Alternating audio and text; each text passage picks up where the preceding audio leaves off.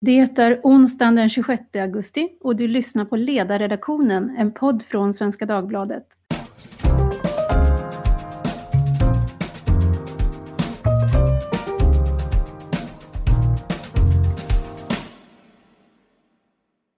Jag heter Tove Livendal och idag meddelade Isabella Lövin att hon avgår som språkrör runt årsskiftet. Vad betyder det för partiet och resten av partilandskapet? Vad kan man säga om Isabella Lövins insats och vad händer framåt? Det ska vi samtala om idag med Mikaela Waltersson som var miljöpartistisk riksdagsledamot mellan åren 2002 och 2011 och även har varit partiets ekonomisk-politiska talesperson, idag vice VD på Kunskapsskolan. Varmt välkommen! Och vi säger också välkommen till Sven Dahl som numera är chefredaktör på Smedjan. Välkommen tillbaka till podden får vi säga. Stort tack, roligt att vara med. Till att börja med, är det rätt beslut av Isabella Lövin? Vad säger ni? Sven? Ja, det skulle jag säga. Det är uppenbart så att eh, Isabella Lövin inte lyckats lyfta Miljöpartiet och att Miljöpartiet har väldigt dåliga opinionssiffror just nu och att, det, och att hennes ledarskap varit ifrågasatt av den anledningen. Då förefaller det ganska naturligt att träda åt sidan i god tid inför, inför nästa val. Men nu finns det trots allt möjligheten att få ett nytt språkrör på plats och profilera det inför valet 2022. Vad säger du Mikaela? Jag håller till stora delar med. Det är en bra timing om någon ny ska hinna komma in i det lite tid innan valet. Och det såklart behövdes göras någonting om Miljöpartiet ska kunna lyfta igen. Eh, så att jag tror att det var ett, ett, det kan finnas tusen skäl till varför just hon gjorde det just nu, men jag tror att det var en ganska bra timing och bra för partiet. Mm, för hon talar ju själv om att det måste finnas gott om tid inför nästa val, så att det är klart att det finns, det, ja, det, vi, vi kommer in på olika tankar till vad som kan ligga bakom det, men någonstans så är det ett parti som gör anspråk på att få väljarstöd och det ser ju inte så himla bra ut just nu. Eh, en sak som har diskuterats det är Isabella Lövins relativt ovanliga bakgrund i politiken. Det är mer normalt att man har varit med under lång tid och fostrats i ungdomsförbund och så att säga gått hela vägen, men Isabella Lövin har kommit från en annan plats och Göran Greider han skriver idag att citat, en intellektuell lämnar politiken därför att politiken inte har rum för sådana, slutcitat. Mm. Tycker ni att det ligger något i det, Mikaela? Han kanske har någon poäng, men jag, jag måste säga ändå att jag har efter väldigt många år i politiken träffat väldigt många intellektuella människor i den sektorn. Så att, men det är klart att idag så måste, krävs det ganska mycket mycket av en toppolitiker. Man måste vara medial framför allt, man måste gå igenom rutan.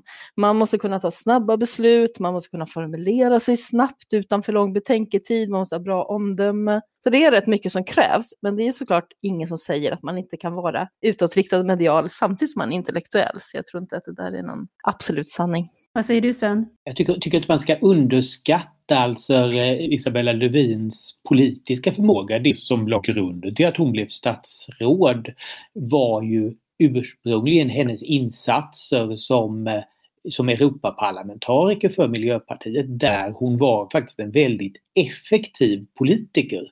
Ja, och om man då skulle ta och gå till frågan, för det är ju, idag så är det ju så att alla eh, utåt sett så betonar förstås alla hennes positiva sidor och är väldigt vällovligt inställda. Det tycks bli så alltid när folk lämnar, då, det är då man är som bäst.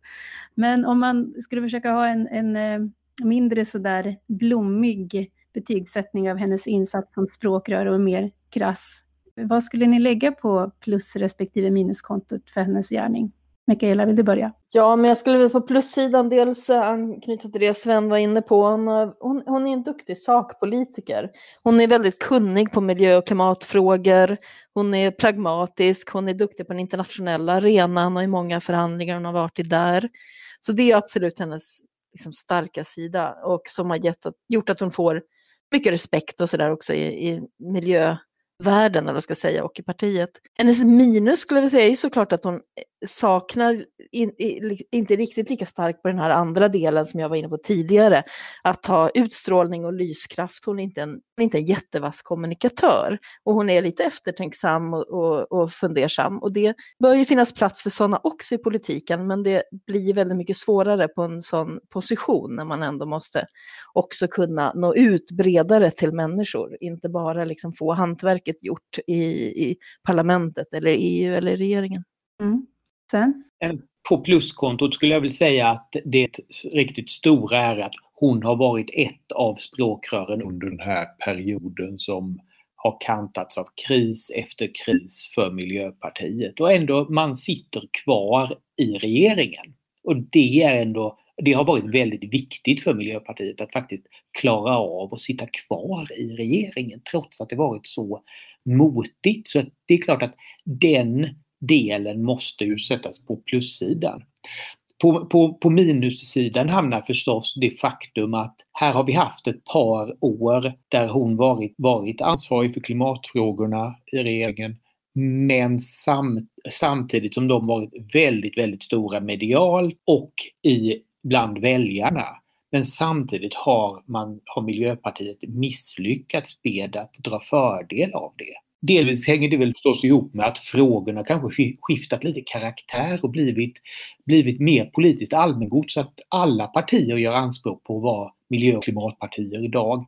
Men det är ändå någonting som måste ligga henne i fatet när hon då har varit en av ledarna för det, det parti som ja, gör anspråk på att äga de här frågorna och som faktiskt väldigt länge har ansetts ha, den, ha haft sakfrågeägarskapet av väljarna.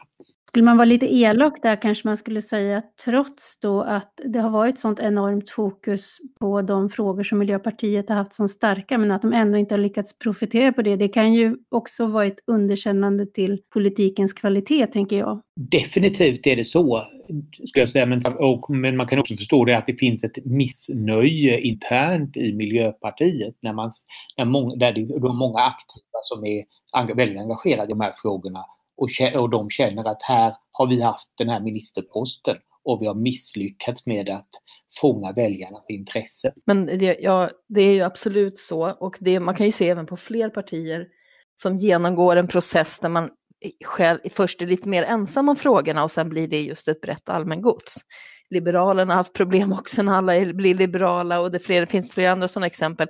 Och det har ju verkligen varit och är Miljöpartiets dilemma. Att man från början var lite outsider, väckte frågor som inte så många andra gjorde, var blåslampa. Men eh, sen ju bredare det blir och det landar i människor och människor har ett miljöengagemang och alla partier har mer eller mindre eh, liksom anammat frågan. Och eh, då finns det inte samma liksom, tydliga existensberättigande och vad man själv har för roll. Då blir man ju lite vilsen i det landskapet. Det ska bli spännande att se om den eh, den spaningen som jag tror är riktig, om den också kommer att gälla för Sverigedemokraterna när fler och fler ändå har anammat väldigt mycket av det i deras sakpolitik som de har stått för.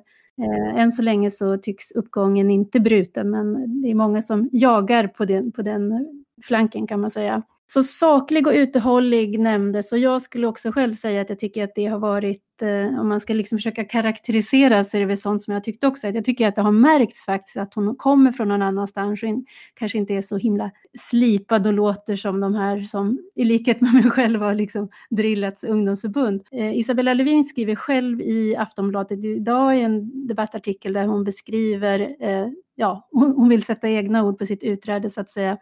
Och där skriver hon så här. Min övertygelse är att dörrar ska vara öppna i ett politiskt parti både för in och utträde. Och det där tycker jag är en, en intressant sak därför att det är någonting som alla partier säger ganska ofta återkommande inför nomineringstider och, och då, det finns som ett ideal att det ska vara så men i praktiken så är i alla fall min upplevelse att det har varit svårare för partierna att leva upp till det här att både kunna ta in människor som kommer från andra ställen men också tillåta och, eh, människor att komma tillbaka. Så hur ser ni på partiernas förmåga till att erbjuda de här svängdörrarna som, som Isabella Lövin talar om och tycker ni att det har förändrats över tid åt något håll?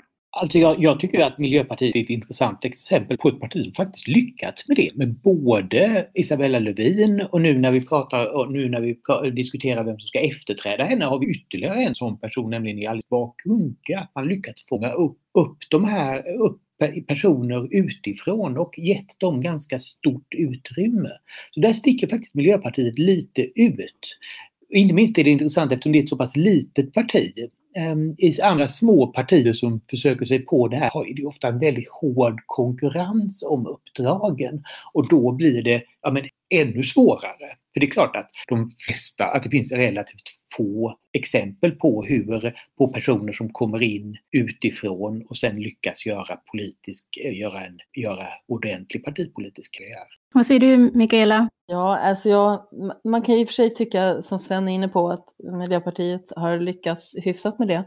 Men jag skulle vilja säga att det är relativt andra partier. Jag håller med inledningen att de flesta partier är alldeles för dåliga på det. Och så även Miljöpartiet skulle jag nog säga, även om man, har, man är lite mindre hierarkier och eh, värderar liksom gräsrötter och de som inte har erfarenhet i högre utsträckning än i andra partier. Så att det går ändå att komma in från sidan.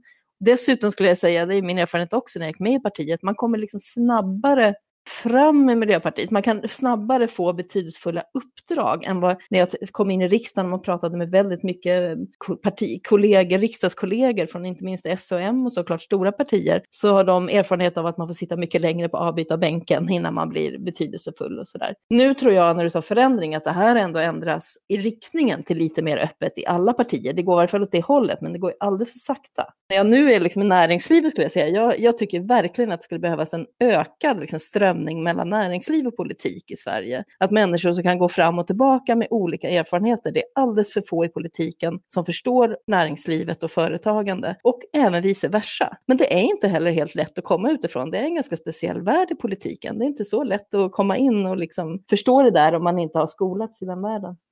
Nej, alltså partipol- jag håller med Mikaela där. Partipolitiskt arbete följer ju en särskild, lite speciell logik och att det är svårt att tillämpa erfarenheter från näringslivet rakt av.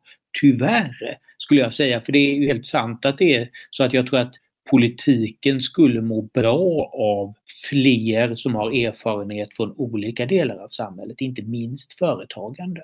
Det är väl det där att hitta det där lagom. Jag har ju suttit eh, i de här interna sammanhangen där man har talat om det. Jo, men vi måste få in just eh, dels det du nämner med, med människor med erfarenhet från näringslivet, men också vi vill ha fler kvinnor, vi vill ha fler yngre, vi vill ha fler med liksom, invandrarbakgrund och sådär. Och sen när det ändå kommer till kriten att det ska nomineras, då blir det där nålsögat jättetrångt. Och då dyker det plötsligt upp argument som att hur ska vi kunna kvalitetssäkra? Och med kvalitet menar man då människor som vi verkligen vet fungerar precis som vi gör. Det finns ju en, det finns ett glapp där mellan teori och praktik, men jag skulle säga att jag gillar ju att Miljöpartiet, jag, jag betraktar det kanske som det mest moderna partiet i att, eh, i att tänka form, att form och innehåll påverkar varandra med de här tidsbegränsande mandaten. Och det tror jag kanske är, jag, jag, tror nämligen att det är, det är att förstå hur institutioners form påverkar människors tankar. Och vet man att man inte kan hänga sig kvar hur länge som helst, då kommer man att bli bättre på att hitta den där bryggan och tänka på vad ska jag göra utanför politiken och, och så vidare. Så jag tror att det där är en modell som andra partier borde ta efter lite ser man väl hur det sprider sig, om än ganska informellt, eh, inte minst inom Moderaterna där många yngre förmågor slutar efter kanske en mandatperiod eller två i riksdagen för att göra någonting helt annat. För att man inser att ja, det, det finns andra värden än karriär i politiken.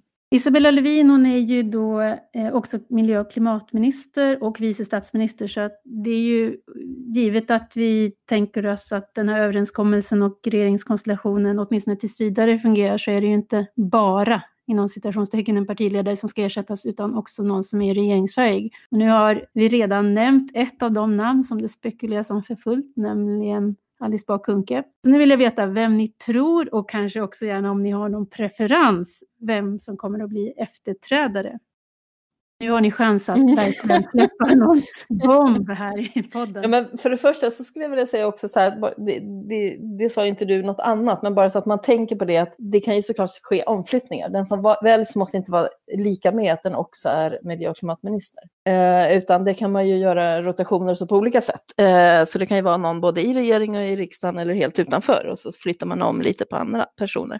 Eh, med det sagt så ska vi säga att det finns ju, idag i varje fall skulle jag säga Miljöpartiet inte liksom, i varje fall inte något helt givet. Det finns ju ett gäng namn som jag tror någon av dem kommer att bli som är ganska starka. Jag skulle säga att det är absolut Alice Bah Kuhnke, Märta Stenevi som är partisekreterare, Åsa Lindhagen, jämställdhetsministern, Janine Alm Eriksson som är i riksdagen, men också kanske Maria Färm eller Amanda Lind, kulturministern. Sen tror jag inte att de här senare jag nämnde, de är lite bubblare. Jag tror de absolut starka namnen är Alice Bah Kuhnke eller Märta Stenevi. Och om jag inte såg fel alldeles nyss så har, har Alice eh, bah Kuhnke gått ut och sagt att hon inte ställer upp och att det var ett slutgiltigt svar. Så att jag skulle ju sätta ganska mycket på att Märta Stenevi är nästa språkrör.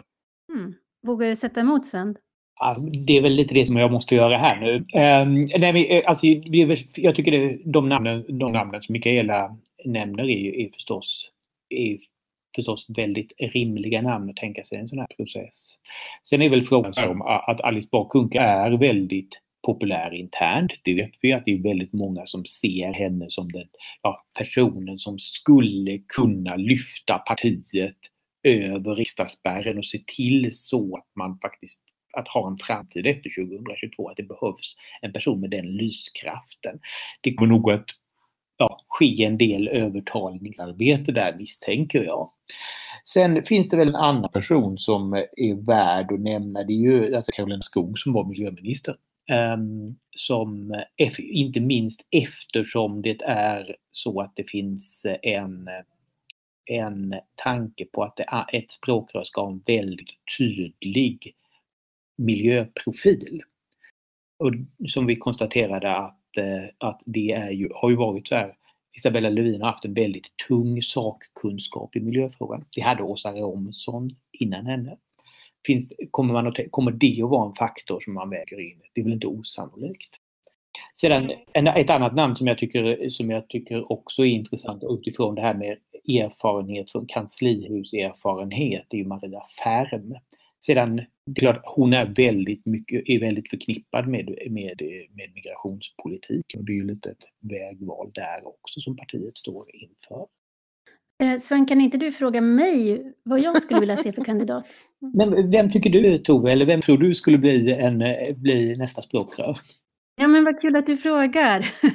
Jo men jag tänker det, jag, har, eh, jag tycker ett, ett namn vore jätteintressant och det är en person som har erfarenhet av av eh, att jobba högt i partiet som har varit med och utformat eller arbetskraftsinvandring men som skulle behöva tillbaka och eh, där se efter och vårda den reformen som faktiskt kom i sjön. Som har varit, gjort precis det vi talade om, nämligen klivit ut ifrån politiken och skaffat sig erfarenhet från näringslivet men också byggt på kunskap på golvet om hur det fungerar i skolutbildningsväsendet som ju är en av de två profilfrågor som Miljöpartiet verkligen har, har tagit plats i. Så att jag skulle ju hemskt gärna se att Mikaela Waltersson kom tillbaka och eh, gav eh, hela det, det, det, gamla partilandskapet eh, ny energi och kunskap. Vad tror ni om det? Skulle folk bli förvånade? Nej, det tror jag inte. Men det går ju förstås en alldeles utmärkt idé. Eller hur? Ja, du Nej, ser, nu är det här med dörrarna vet ni, när man har lämnat. Nej, jag är långt ifrån det där nu. Långt ifrån. Ja, Och det är ganska skönt. Mm. Jag tycker det gick snabbt att få med Sven här på tåget. Så vi, vi får se innan den här dagen är över. Det är många som lyssnar på den här podden. Eh, nåväl, vi går vidare så får du tänka på saken ett tag då. Eh, men för två månader sedan faktiskt, då poddade vi om Miljöpartiet och då handlade det ju ganska skarpt om partiet skulle vara kvar i regering eller inte. Och eh, Isabella Lövin, det är en av de saker hon har sagt nu att man förlorar sin profil när man sitter i regering. Och det, det är väl sant för Miljöpartiet, det är kanske mindre, ja det är i och för sig, Socialdemokraterna har väl också haft lite, lite problem, men, men inte så mycket som Miljöpartiet. Och i de senaste mätningarna så skulle man då hamna utanför riksdagen om det vore val idag. Så jag undrar hur ni ser att det gröna vägvalet ser ut framöver. Och tänker jag närmast på frågan om regering, men kanske sakfrågemässigt allra mest i brännande då migrationspolitiken. Vad säger du, Mikaela? Nej, men det är ju uppenbart för alla att Miljöpartiet har haft det otroligt tufft i, i många år och inte lyckats lyfta. Och eh, inte har haft lågt förtroende och lågt förtroende i sakpolitiken och för de språkrör som har varit. Eh, det är såklart tufft när man är ett mindre parti i regeringsställning, inte minst med Socialdemokraterna. Men samtidigt så skulle jag vilja säga, jag blir lite svårt för när man lyfter fram på partiet bara den orsaken hela tiden. För att det går liksom inte att hänvisa bara till regeringsmedverkan, för det är ingen naturlag, utan man måste liksom rannsaka sig själv. Och partiet har tappat, inte klarat själv att lyfta, inte klarat att lyfta i ett läge där klimatfrågan har dominerat och var engagerat väldigt brett. Så att det där tror jag ska man klara sig framöver, ska man lyckas med nytänk och nystart, då måste man liksom ha ett lite mer krisinsikt, eller vad ska jag säga, då måste man rannsaka sig och faktiskt eh, klara av att göra lite förändringar. Sen är det klart att migrationspolitiken är ju och har varit en av de absolut svåraste delarna. Eh, beroende på vem det blir så kan ju det vara lite lättare om man kommer lite från sidan och inte har varit med i den historiken eventuellt, eh, att lösa upp det. Får vi se, men eller så blir det att de inte klarar av att sitta kvar i regering och så får man starta i opposition oppositionsläge inför valet, vilket jag tror skulle gynna Miljöpartiet opinionsmässigt i varje fall. Mm, vad tror du om det sen? Alltså jag skulle inte förvåna mig om, att, om Miljöpartiet väljer att hoppa av regeringen. För man har bevisat att man klarar av att sitta i regering.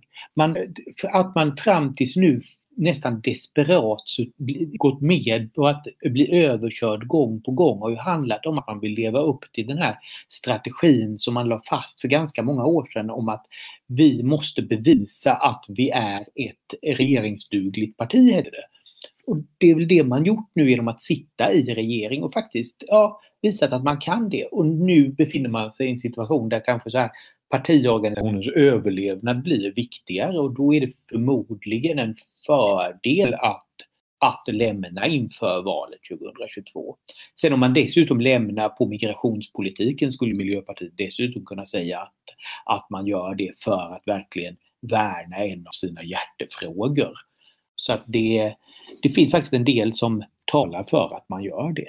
Samtidigt är det klart att ja, vill man vara det partiet som spräcker en regering, hur påverkar det bilden av, av partiet? Det är den andra, den andra sidan av det. Men på det stora hela tror jag att Miljöpartiet har ganska lite att förlora på att lämna i det här läget. Jag håller helt med om den analysen. Det har verkligen varit det, över, det övergripande liksom valet för Miljöpartiet att visa att man är regeringsduglig och man har svalt en väldig massa saker i sak politiskt som, hade, som egentligen var otroligt svårt och inte minst migrationsuppgörelsen efter 2015. Så att det är ju, det, det, i det här läget så tror jag ändå att det har varit så många år att man liksom har visat att man klarar av att sitta i regering, man klarar av tuffa situationer, man klarar av att samarbeta. Så att nu tror jag för partiet så, så jag tror det kan finnas många som tycker att det är en lättare situation och skulle kunna vara en, en injektion i partiet att liksom starta om. Ingen kom, alltså så här, ingen kom sannolikt att hålla ett avhopp med ett eller två år kvar till nästa val emot Miljöpartiet i en, i en eh, regeringsförhandling efter, efter nästa val. Alltså det, man har bevisat att man klarar det och därför kan man i det här läget ja, prioritera andra, prioritera andra intressen. Ja, man har ju lite svårt i att man har ju svalt så mycket frågor som man innan sa var väldigt viktiga för en. Så det krävs ju rätt mycket hur man ska kunna motivera att man hoppar av nu om man inte hoppade av på det och det och det och Vattenfall och migrationsfrågor och annat innan. Utan det, det tror jag är nästan bara migrationspolitiken. Om det hade gått vidare för ett par månader sedan och S hade gjort upp med M, då hade det, var det ett sånt läge. Men får vi se vad som händer med den frågan framöver. Men det är ju den som starkast. Jag tror det är väldigt svårt med andra frågor att motivera det. Jag, jag har svårt att se något annat dyka upp men, men just migrations, eh, migrationspolitiken om, om det sker en, en uppgörelse med, som, eh, mellan S och M och det ska vi väl fortfarande inte riktigt, vi ska väl inte utesluta att det kan komma någonting, någon, någonting i, det, hållet. Ja, ska man vara lite cynisk här så är det väl så att Socialdemokraterna kommer inte att klara av gentemot sina väljare att så länge till ha för mycket miljöpartistiska ståndpunkter i den frågan. Eh, och, om, och de, de kommer att välja sin egen väljarbas före att ha med Miljöpartiet och då återstår, om man inte kan påverka i sak, då kan man ju göra en prestigevinst genom att gå på den frågan och markera att den här frågan är viktigare för oss, om man nu ska vara riktigt spelteoretiskt cynisk här. Absolut, alltså Socialdemokraterna skulle ju inte ha någonting emot att, att Miljöpartiet lämnade, att man, man skulle kunna skiljas åt som, som vänner över migrationspolitiken. Så att säga. Agree to disagree. Ja.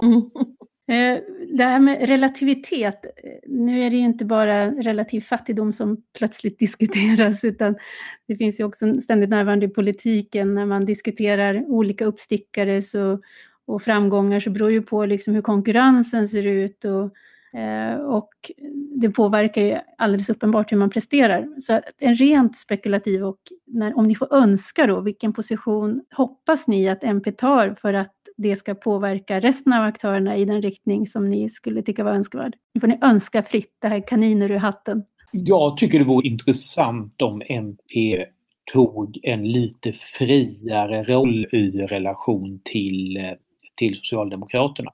Vad som skett de senaste åren är ju att man surrat sig väldigt hårt till, till Socialdemokraterna och regeringsmedverkan, vilket naturligtvis hänger ihop med den här strategin att visa sig regeringsduglig. Men vad vi sett tidigare är ju att Miljöpartiet är en möjlig och ganska intressant samarbetspartner i vissa frågor till borgerliga partier och kan stärka upp det borgerliga samarbetet på vissa områden. Så ser det ut i ganska många kommuner också där du har väl fungerande blågröna samarbeten. Så att, men det kräver nog en lite en, en förändring på i lite förhållningssätt på, på nationell nivå. Sen är det väl inte helt enkelt gentemot de egna väljarna att den, eh, när, när man var, hade en sån position på, på nationell nivå hade man en mycket bredare väljarbas. Och nu är, man, nu är de partiaktiva och de väljare som är kvar ganska vänsterinriktade. Så att, eh, så att det, det är nog inte en helt enkel omställning men om jag får önska mig det så tror jag att det vore vore intressant för, för svensk politik.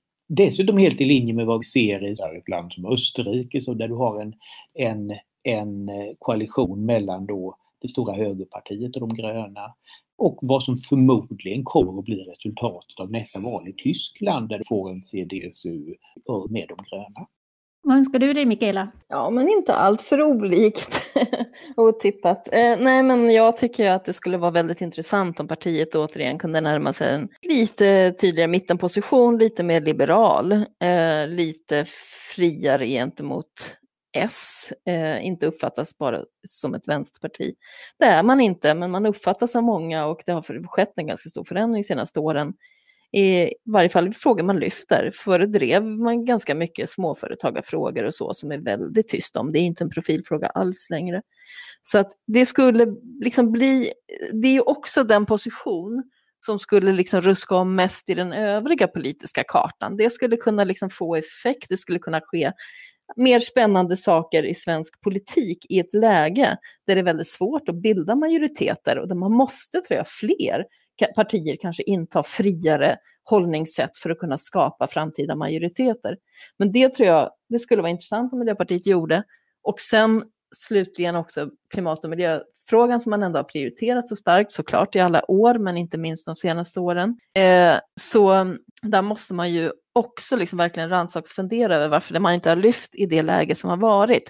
Och fortsätta att liksom vara, man måste ju vara de som är tuffast i klimatfrågan. Man måste våga lyfta frågor som både ger ros och ris där. Det är typ trängselavgifterna som var i Stockholm, som blev otroligt kritiserat, men det är ju den typen av frågor som skapar en polarisering och både för och emot, men som ändå är tillräckligt pragmatiska och realistiska och marknadsekonomiska möjliga så att de går att genomföra utan att upplevas som helt tokiga. Den typen av frågor och liksom position måste Miljöpartiet ha även i de frågorna för att vara relevanta framöver. Mm, intressant.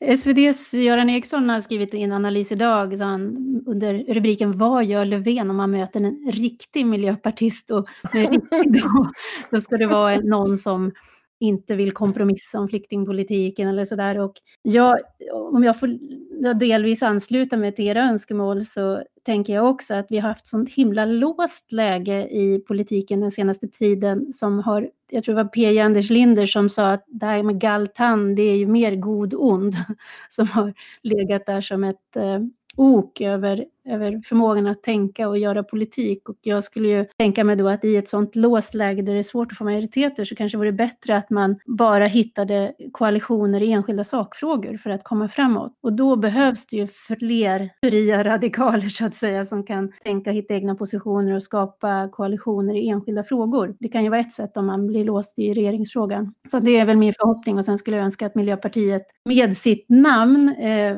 då rent sakfrågemässigt eh, kanske släppte en del av dogmatiska inställningar kan jag då tycka i, i som miljö och klimatfrågor. Men det ja, nu var det som sagt var kaniner i hatten så att jag fick avsluta med en sån. Den, den intressanta frågan Tove är ju där, när kommer Miljöpartiet att ompröva sin hållning i den frågan som partiet grundades på? Kärnkraft. Ja. Ska vi våga hoppas på att det kommer att hända? Ja, jag kan ju säga att det, det, det kanske, och en sån omprövning och ett återuppväckt eh, eh, liksom, syn på det här småskaliga och värnandet om det och, och, och även liksom förståelsen för entreprenörskapets natur. Ja, det kanske finns till och med röster att hämta på svenskans ledarsida. Man vet aldrig. att, eh, man, man får bjuda från båda håll. Det blir spännande att fortsätta se vad som händer. Eh, stort tack för insiktsfulla och spännande kommentarer idag. Jag försökte provocera fram ett språkrörs, en språkrörskandidatur här, men lyckades väl inte helt. Vi får se om vi får anledning att följa upp det. Men stort tack till Mikaela Waltersson och Sven Dahl för att ni var med idag. Tack själv. Tack. Tack eh, till er som har lyssnat och har ni frågor eller synpunkter så hör ni av er som vanligt till ledarsidan svd.se. Tack för idag.